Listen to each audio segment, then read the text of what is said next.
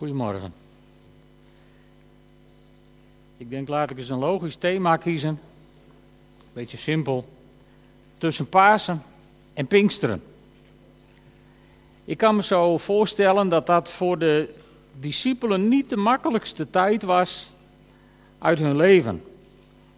De arrestatie van Jezus en zijn sterven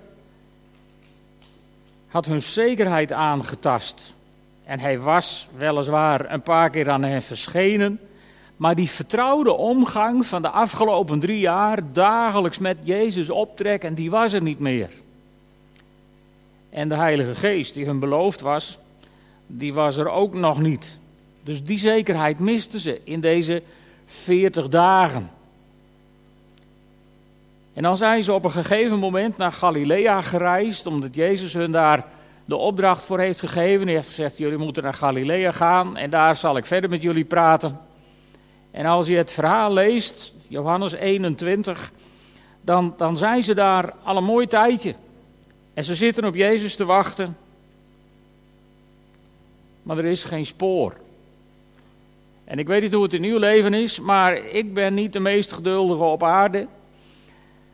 Wachten is altijd lastig. Het tast je zekerheid nog verder aan en wachten doet twijfel wortel schieten. En als ze hem dan ontmoeten, zoals we dat zien in Matthäus 28, dan staat er, de elf leerlingen gingen naar Galilea, naar de berg waar Jezus hen had onderricht. En toen ze hem zagen, bewezen ze hem eer, al twijfelden enkele nog. En misschien denken, denken wij daar wel eens heel makkelijk over. Denk je van nou ja, zij hebben alles live gezien. Hoe kunnen zij nou twijfelen? Maar na zoveel tijd wachten, sommigen twijfelden nog. Zou het hem echt zijn? Of zien we, een, zien we, zien we geesten? Of dromen we? Of... En het bemoedigende is dat ze dan ondanks hun twijfel gewoon in dienst worden genomen door de Heer Jezus en aan het werk worden gezet. Dat is op zich al heel bemoedigend.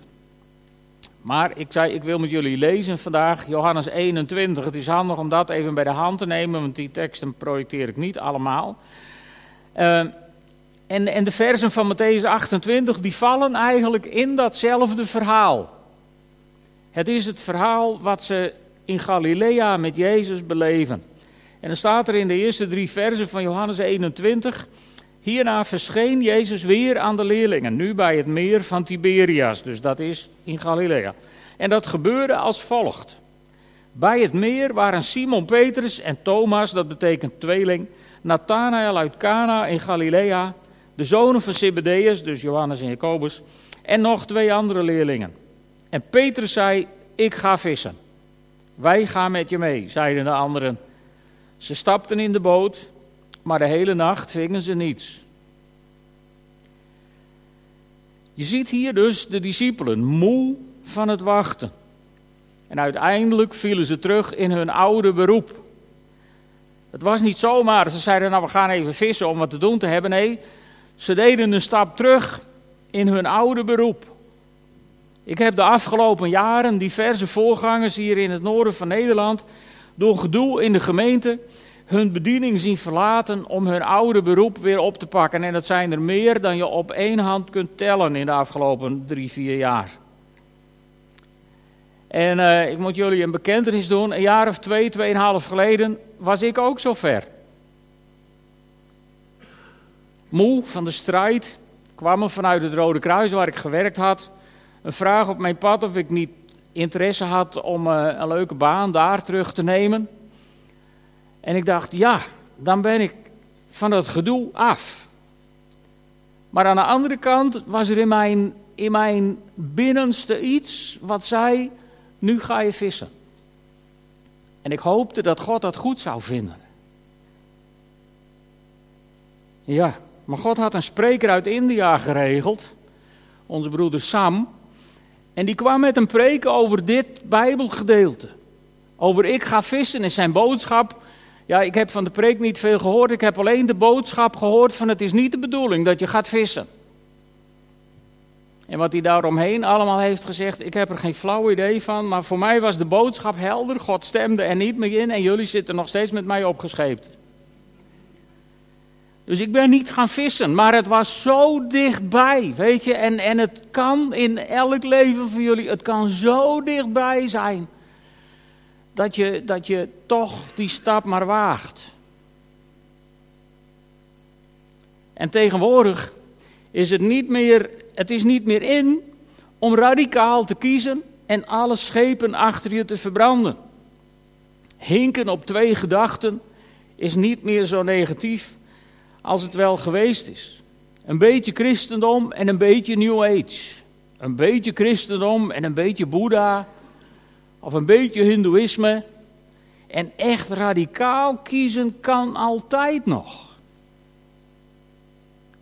Verkering hebben met een jongen of een meisje. Maar je eigen vrijheid ook willen houden. Om af en toe nog eens even gewoon lekker vrij te zijn.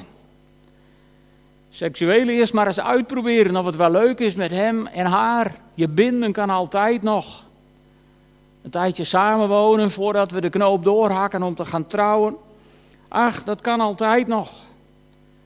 Een tijd rondkijken in een gemeente voordat je je verbindt en lid wordt, dat kan altijd nog. Je laten dopen, ach, dat kan altijd nog. En zo zijn er nog wel een hele serie dingen op te roepen, maar ik wil jullie geen depressie aanpraten, dus dat, dat ga ik even niet doen. Maar, maar weet je, het is, het, is, het is als je zo omgaat met belangrijke keuzes in je leven, dan komt er een dag dat je tot de conclusie komt dat je bent gaan vissen en dat je niks hebt gevangen. En dat zou ik jullie zo graag besparen. Want dat moet een, een desillusie zijn geweest voor die discipelen. Door als je gewoon met een hengeltje langs de kant van het water zit. Ach ja, dan vang je soms ook niet veel, maar dan zit je daar niet zo. Maar als je als professional, als beroepsvisser zegt: we gaan weer vissen en je hebt je hele gedoe weer in orde gemaakt en je hebt de hele nacht hard gewerkt met een aantal kerels en je hebt daar niks gevangen. Dat is, dat is een desillusie. En zo kan het in ons leven ook zijn. Dat je tot de conclusie komt van, goh, ik ben ongemerkt maar weer gaan vissen, teruggevallen in mijn oude patroon. En het heeft niks opgeleverd. En, en, en, en, je hebt niet gekozen. Ik kreeg een hele leuke spreuk in, uh, in Duitsland met paasdagen. En, en dat kwam hierop neer. Als je niet kiest omdat je het ergste vreest, mis je het beste in je leven. En dat houdt me heel erg bezig. En, en, en ik, zou je, ik zou je willen verleiden om keuzes te maken. Gewoon definitieve stappen te zetten in je leven. En, en één voorbeeld daarvan, dat zien we heel mooi in het leven van Elisa. Daar heb ik een geweldige preek over gehoord op de, op de New Wine Conferentie in Engeland en ik leen daar een stukje uit. In 1 Koningen 19, vanaf vers 19. Dat gaat over Elia. Elia die, die zeg maar, het niet meer zag zitten onder een bremstruik, heeft gezeten, flink medelijden te hebben met zichzelf. Vervolgens wordt hij door God naar Sinaï gestuurd en dan spreekt God daar tegen hem. En dan krijgt hij een aantal opdrachten en dan staat er, hij ging daar vandaan en hij trof Elisa, de zoon van Safat. Deze was aan het ploegen met twaalf span runderen voor zich uit en hij bevond zich bij het twaalfde. Dus dit was mega groot, een herenboer. Elia ging op hem af en wierp zijn mantel naar hem toe. Hij verliet de runderen, snelde achter Elia aan en zei: Laat me toch mijn vader en moeder kussen, daarna zal ik u volgen. En Elia zei tegen hem: Keer terug, want wat heb ik je aangedaan? Zo keerde hij van achter hem terug, nam een span runderen, slachtte ze, kookte hun vlees op het hout van het juk van de runderen hij gaf dat aan het volk en ze aten en daarna stond hij op, volgde Elia en diende hem. Dan zul je misschien denken, ja, hij vroeg toch eerst, mag ik mijn ouders kussen? Weet je, je moet dit niet verwarren met wat, wat er in Matthäus 8, vers 21 staat. Daar komt een, iemand bij Jezus en die zegt, Heer, ik wil u volgen, maar sta me toe eerst heen te gaan om mijn vader en moeder te begraven. Dat komt erop neer, dit stukje komt erop neer, dat de persoon die door Jezus werd uitgedaagd tot een radicale keuze zei: van Heer, laat me alsjeblieft wachten tot mijn vader en moeder zijn overleden en begraven, tot ik dat netjes heb afgehandeld, dan hoef ik ze geen verdriet te doen.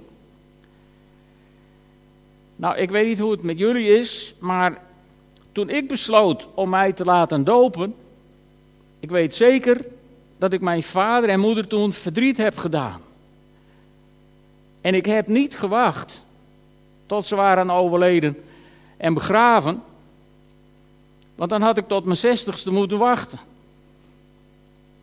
En dat was ook niet de bedoeling.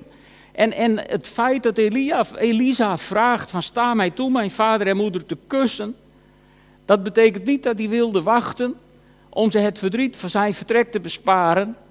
Elisa vraagt hier aan Elia, vind je het goed dat ik even de tijd neem om afscheid te nemen van mijn familie? Hij gaat naar zijn vader en moeder, hij kust ze gedag, hij neemt afscheid van zijn familie, hij neemt afscheid van zijn erfenis. Hij neemt afscheid van zijn toekomst. Want als je kunt ploegen met twaalf span runderen, dan ben je een hele grote boer. En hij laat alles achter zich en hij volgt Elia. Hij verbrandt zelfs het gereedschap en hij, en hij slacht zelfs het rund. Dus er was geen weg terug. Er was geen ik ga vissen meer voor Elisa zou hetzelfde zijn als Petrus toen hij Jezus volgde zijn boot in stukjes had gehakt en er een vreugdevuur van had aangericht. Elisa kon niet terug. No turning back was het voor hem. Geen terugkeer meer. En uh, misschien spreek ik je vanmorgen aan. Misschien weet je wel dat je radicale keuzes moet maken. Ik heb ze ook moeten maken in mijn leven. Ik had best wel een leuk bedrijf met een uh, absoluut niet gelovige zakenpartner. En uh, nu we het toch over ossen en jukken hebben. Op een gegeven moment ging God mij erop aanspreken dat je in een ongelijk span loopt. En uh, goed, ik heb afscheid genomen van mijn zakenpartner en mijn bedrijf aan hem verkocht. En ik ben met God op reis gegaan in mijn leven. En misschien is de keuze waar je voor staat niet zo radicaal, maar toch weet je dat je ergens keuzes moet maken, beslissingen moet nemen. Ik wil je één ding zeggen, dat is geen onoverkomelijk karwei. Denk nou niet dat de keuzes die, die Geertje en ik in ons leven hebben gemaakt, dat dat mega bergen waren waar we ons overheen moesten, moesten worstelen. Want ik kan je vertellen, als God je roept en als God je uitdaagt om Hem te volgen, dan zijn die, die grote dingen die je achter moet laten, dat zijn ineens geen grote dingen meer waar je van houdt, maar dat zijn problemen geworden om God te volgen. En dan wil je ze graag kwijt. Dan wil je daar graag iets aan doen. En hoe werkt dat dan? Nou, dat werkt, Paulus die heeft dat begrepen. Want hij schrijft in Filippenzen 2, vers 13: Het is God die zowel het willen als het handelen bij u teweeg brengt, omdat het hem behaagt. Met andere woorden, keuzes maken, radicale stappen zetten om God te volgen, is makkelijker dan je denkt. Ik kan je zelfs uit mijn eigen ervaring vertellen, radicale keuzes voor je uitschuiven en ze niet maken, is moeilijker dan je denkt. Omdat God het willen in jou bewerkt. En als dat willen in jou één keer bewerkt is en God zit in je hart te morrelen en, en, en, en te wurmen en te doen, dan is het heel lastig om geen keuzes te maken, om nee te zeggen tegen God. Is mijn ervaring. En dan is het veel handiger. Ik heb, ik, ik, ik heb kennissen gehad die, die, die de houding hadden van als God wat van mij wil, dan worstel ik net zo lang tot ik niet meer kan. En dan ga ik doen wat God wil. En toen dacht ik, dat is niet handig. Je kunt beter gelijk doen wat God wil, scheelt hij een hele hoop geworstel. Want God wint toch. Dus als God in jouw hart ergens mee bezig is, als God in jouw leven spreekt in bepaalde dingen, heb dan het lef om radicale keuzes te maken. Het is makkelijker dan ze niet te maken. Worstel niet met God, verzet je niet tegen dat waarvan je weet dat God het van je vraagt. En, en lieve vrienden, je wordt verwacht. We gaan terug naar. Uh, we gaan terug naar het verhaal uit Johannes 21. Ze hadden dus de hele nacht gevist, niks gevangen. En toen het al ochtend werd, stond Jezus op de oever. Alleen wisten de leerlingen niet dat hij het was. Soms kan het in jouw leven ook zo zijn. Je hebt geworsteld en geworsteld en het heeft niks opgeleverd. En Jezus is er vlakbij. Jezus is nooit ver weg in jouw leven. Hij stond op de oever, ze wisten niet, ze hadden niet door dat hij zo dichtbij was. Net wij af en toe. En hij riep, hebben jullie soms iets te eten? Nee, antwoorden ze. Dat is geen hoffelijk antwoord. Ze spraken niet met twee woorden. Want ze hadden natuurlijk een sik van hier tot Tokio, omdat ze de hele nacht niks gevangen hadden. En dan staat er zo'n vogel op de kant die je niet kent en die vraagt of je wat te eten hebt. Nou, dan ben je kort van stof. Ja, het waren net mensen. Dus ze waren kort van stof. Nee, zeiden ze. En uh, dan gebeurt er iets heel wonderlijks. Dan gebeurt er werkelijk iets onbegrijpelijk idioots. Want je bent als professional de hele nacht bezig geweest en je hebt niks gevangen. En dan staat er iemand op de oever, duidelijk geen visser. En die zegt: Gooi het net eens aan de andere kant. En ze deden het ogenblikkelijk. En waarschijnlijk hebben ze zich later afgevraagd: Hoe is het in de wereld mogelijk dat we dat deden? Want ze hadden ook kunnen zeggen: Nou, eh, volgens ons huishoudelijk reglement gooi je het net uit aan die kant en niet aan die kant. Dus daar moeten we eerst even met onze accountant over praten, of dat wel verantwoord is. Maar als beroepsvisser je hele leven het net zeg maar even aan de linkerkant uitgooien. En dan staat er ineens iemand op de oever die je niet kent, duidelijk geen visser. En die zegt, gooi het net eens aan de rechterkant. Nee, hebben we nog nooit gedaan. Zo werkt dat niet. Dat is ook niet handig en pijn ze niet over. Maar voordat ze er erg in hebben, hebben ze het net aan de andere kant van de boot uitgegooid. Nog nooit gedaan, helemaal volslagen belachelijk. En het zit vol vissen. En dan valt het kwartje, als ze dat al hadden. En, en, en dan is de leerling van wie Jezus hield, Johannes dus, die zei tegen Petrus, het is de Heer. Ja, natuurlijk. Wie zou dat anders zijn hè? in zo'n situatie? Er was niet zoveel andere optie meer. Het is de Heer. En, en dan, dan, ja, dan is Petrus ineens, Petrus weer. Petrus die schort zijn bovenkleed op, meer had hij niet aan. Hij sprong in het water en hij zwemt naar de kant. En de andere leerlingen kwamen met de boot. Ze sleepten het net vol vis achter zich aan. Ze waren niet ver van de oever, ongeveer 200 el, dus een meter of 60. En toen ze aan land kwamen, zagen ze een vuurtje met vis erop en brood. En Jezus zei: Breng ook wat van de vis die jullie net hebben gevangen. Prachtig verhaal vind ik dit. Dan kom je daar bij Jezus en heeft hij al vis. Ja, kijk, lieve vrienden, als Jezus ons roept om hem te helpen, hij heeft jou en mij echt niet nodig. Ik ben er 100% van overtuigd dat Jezus het zonder mij aanzienlijk beter, vlotter en gestroomlijder kan dan met mij. Maar door zijn genade heeft hij ervoor gekozen om mij te gebruiken. En door zijn genade heeft hij ervoor gekozen om in jouw hart om te wurmen, zodat je keuzes gaat maken, want hij wil ook jou gebruiken. En hij kan het prima zonder. Maar je mag meespelen, dat is een groot voorrecht. En zo is het ook hier. Jezus heeft al vis, maar hij, hij zegt toch tegen de, tegen de discipelen: breng ook wat van die vis die jullie net gevangen hebben. Hij had namelijk eerder al tegen ze gezegd: Ik zal jullie vissers van mensen maken. En weet je, Jezus kan mensenharten veel beter veranderen dan wij met z'n allen. En toch heeft hij ervoor gekozen om jou en mij daar een plekje in te geven. Toch heeft hij ervoor gekozen om jou en mij in situaties te brengen waar mensen zijn die, die, die gewoon misschien wel even bemoedigd moeten worden, of even praktisch ergens mee geholpen, of even waar een keer voor gekookt moet worden, of, of bedenk maar wat. En dan kiest God ervoor om jou de kans te geven om hem even te helpen. En dat is niet omdat hij anders niet tot zijn doel komt, maar omdat hij jou de kans wil geven om ook even mee te doen. Is dat niet een groot voorrecht? Nee? Dat is een heel groot voorrecht. En daar zou je wel wat blijer om mogen kijken in plaats van zo ernstige blikken hier naar mij toe te werpen. zou je dat wel, wel wat, wat, wat vrolijker mogen stemmen. God heeft ervoor gekozen om jou de kans te geven om mee te doen in dit project.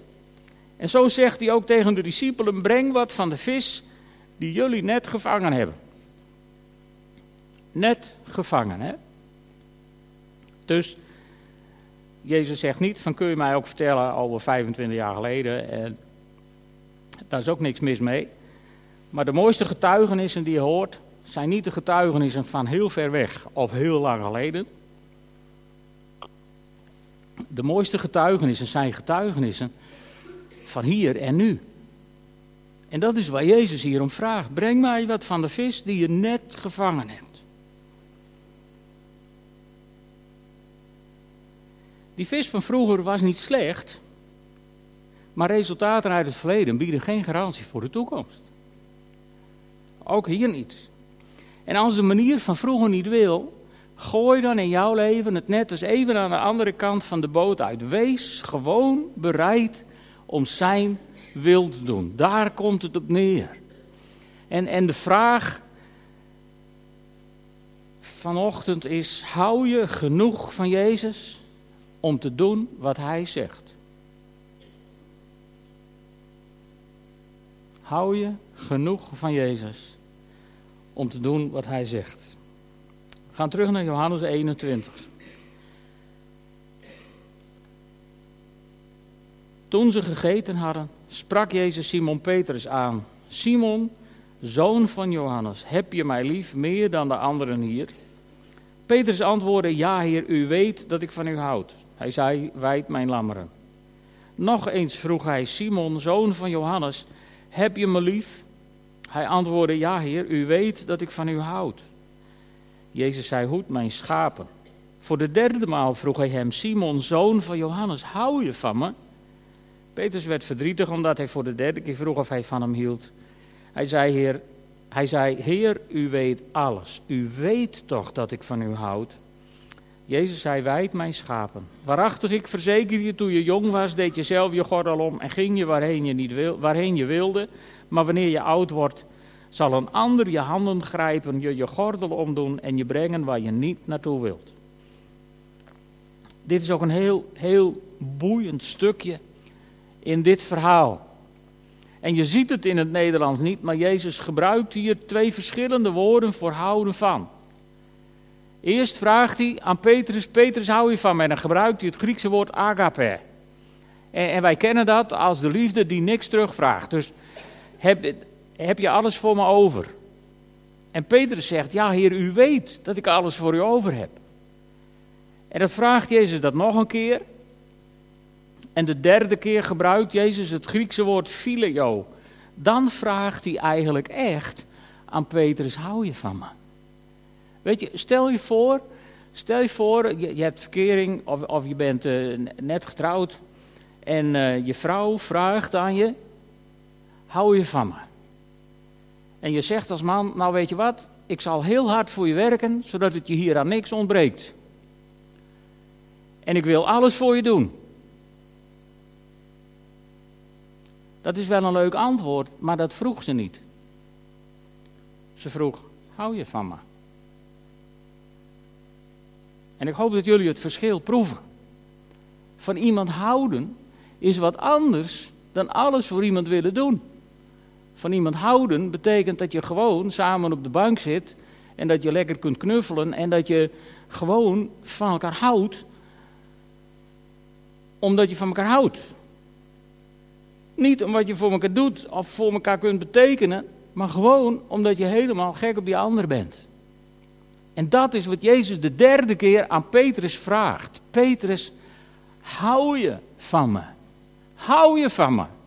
Met alles, ondanks hoe je leven er in de toekomst uitziet. Petrus, wil je mijn vriend zijn? Wil je, wil je, wil je, wil je echt zoveel van me houden dat het niks meer uitmaakt of je de hele nacht vist zonder wat te vangen, of de hele nacht vist met wat te vangen, dat het er allemaal niet meer toe doet. Hoe houdt u van Jezus?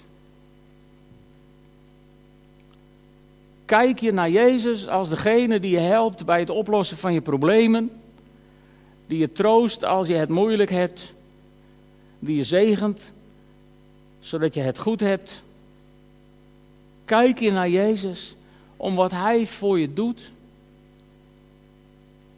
Of heb je een relatie met Jezus die helemaal los is komen staan van wat Hij voor je doet, maar hou je gewoon van Hem? Petrus kreeg die vraag voor de kiezen. En dat is een lastige vraag. Je kunt er makkelijk ja op zeggen. Tuurlijk, we zeggen ook, uh, tenminste, er wordt heel makkelijk tegen, tegen elkaar gezegd: Ik hou van je. Maar is dat echt zo? Het is eigenlijk heel indrukwekkend dat Jezus die vraag stelt. En als Jezus dan de derde keer antwoordt: Heer, u weet alles, u weet dat ik van u hou, gebruikt hij ook dat woord. Heer, u weet het. U weet het, ik, ik heb er geen woorden voor, ik kan het u niet uitleggen. Maar Heer, u doorgrondt mij, u kijkt diep in mijn hart. U weet dat ik van u hou. En dan krijgt Petrus die wonderlijke woorden mee. Ik verzeker je, toen je jong was, deed je zelf je gordel om en ging je waarheen je, niet, waarheen je wilde.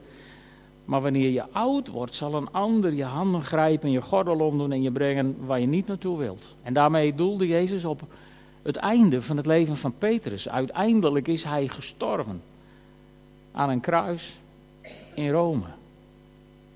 Petrus. Ik weet niet of jullie de film wel eens gezien hebben, Quo Vadis. Quo Vadis, een prachtige historische film.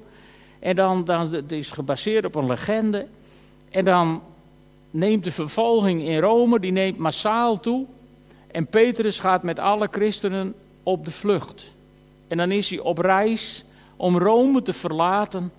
En dan komt hij een man tegen. En net als in dit verhaal herkent hij hem. Het is de Heer. En de Heer was op weg naar Rome. En dan vraagt hij aan de Heer Quo Vadis: Waarheen gaat gij?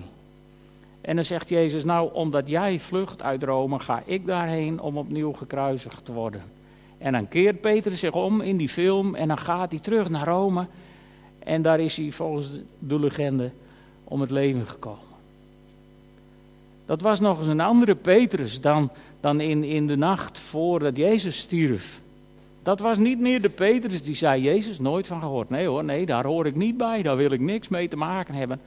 Dit was de Petrus die tegen Jezus had gezegd, Heer, u weet alles, u weet dat ik van u hou. En toen maakte het hem niet meer uit wat hem dat kostte. Die Petrus die de wereld rondreisde, die Petrus die bij de Romein Cornelius binnenging, ondanks dat hij alle Joden over zich heen kreeg. Die Petrus die niet meer te houden was. Omdat het niet meer de Petrus was die van alles voor Jezus wilde doen, maar de Petrus was geworden die hield van Jezus.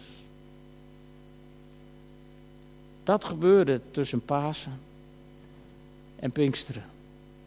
En de vraag is, hoe is het in jouw leven? Stel dat Jezus nou tegenover of in de rij voor jou zou zitten en zijn stoel zou omdraaien en jou in de ogen zou kijken en zou zeggen: hou je van mij? Zou je dan uit de grond van je hart kunnen zeggen: Heer, u weet alles, u weet dat ik van u hou?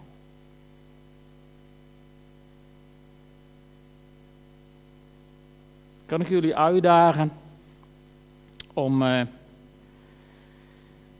de komende weken eens met Jezus te praten? Misschien wel over de twijfels in jouw hart. Mag ik je uitdagen om de komende weken eens met Jezus te praten over lastige keuzes in jouw leven die je moet maken. En, en, en niet omdat ik hier een paar genoemd heb. Maar als het over jou gaat, weet je heel goed waar het over gaat kan ik je uitdagen om de komende week met Jezus het gesprek eens een keer aan te gaan. Heer, wat wilt u eigenlijk van mij? Zullen we gaan staan en samen bidden? Vader God, eigenlijk bent u een heel wonderlijk iemand. Als wij denken dat u er niet bent en dan de keuze maken om maar te gaan vissen, dan blijkt u toch vlakbij te zijn. En dan vragen we ons af, Heer, waarom hebt u zich niet wat eerder laten zien?